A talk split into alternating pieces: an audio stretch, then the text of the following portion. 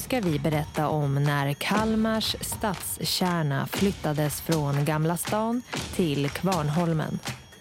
Inläsare är Johanna Dahlbäck.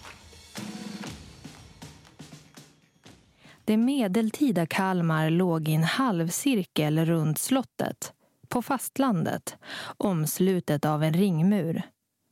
Staden och stadens ringmur fungerade som slottets yttre försvarsmur med resultatet att stadens invånare ofta hamnade i kläm. Eller händelsernas centrum, om man så vill.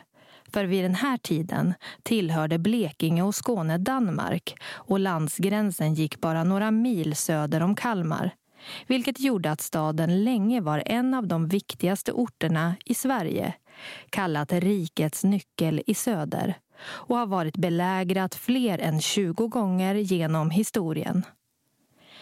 Under Kalmarkriget 1611 gick det riktigt illa. Befolkningen hamnade mitt i striderna och de attackerande danskarna gjorde allt de kunde för att plundra och bränna staden. Det utsatta läget och att befolkningen ständigt ökade gjorde att riksrådet i Sverige omkring 1640 beslöt sig för att flytta hela staden till den närliggande Kvarnholmen. Då skulle staden, omringad av vatten, vara lättare att försvara. Dessutom skulle det vara lättare att beskjuta fienden med kanon från slottet när det inte låg en stad i vägen. Arbetet påbörjades. Först behövde holmen plattas till och fyllas ut. Sedan skulle det pålas och byggas nya murar.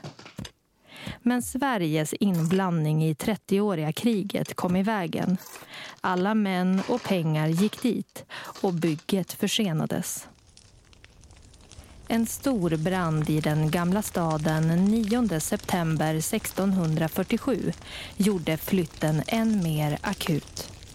Men eftersom det fortfarande inte fanns några hus på Kvarnholmen fick invånarna bygga upp små stugor och bodar där de nu nerbrunna husen stått för att ha någonstans att bo när vintern kom. Tur att kriget snart var över och de hemkomna soldaterna kunde arbeta på holmen istället. Över 1200 man engagerades i arbetet med den nya staden.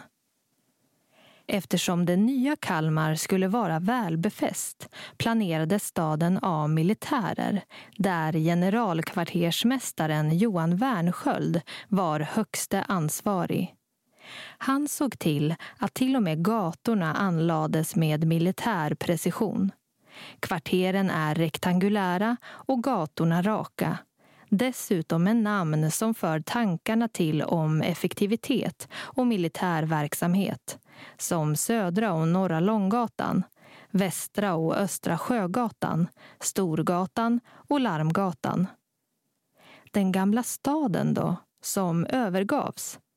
Där stannade de mindre bemedlade människorna kvar en tid samtidigt som borgarna efter ett tag började bygga upp lustgårdar där att använda på sommaren.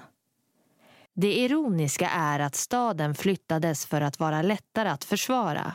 Men i och med att Sverige slöt fred med danskarna i Roskilde 1658 och gränsen mellan de båda länderna flyttar söderut när Sverige fick Blekinge och Skåne så var Kalmar slott aldrig stridslinjen igen.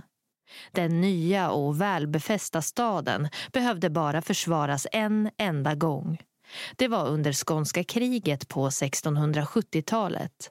I samma krig förliser regalskeppet Kronan, men det är en helt annan historia. Ljudberättelsen är producerad av Destination Kalmar i samarbete med Storyspot och Region Kalmar län.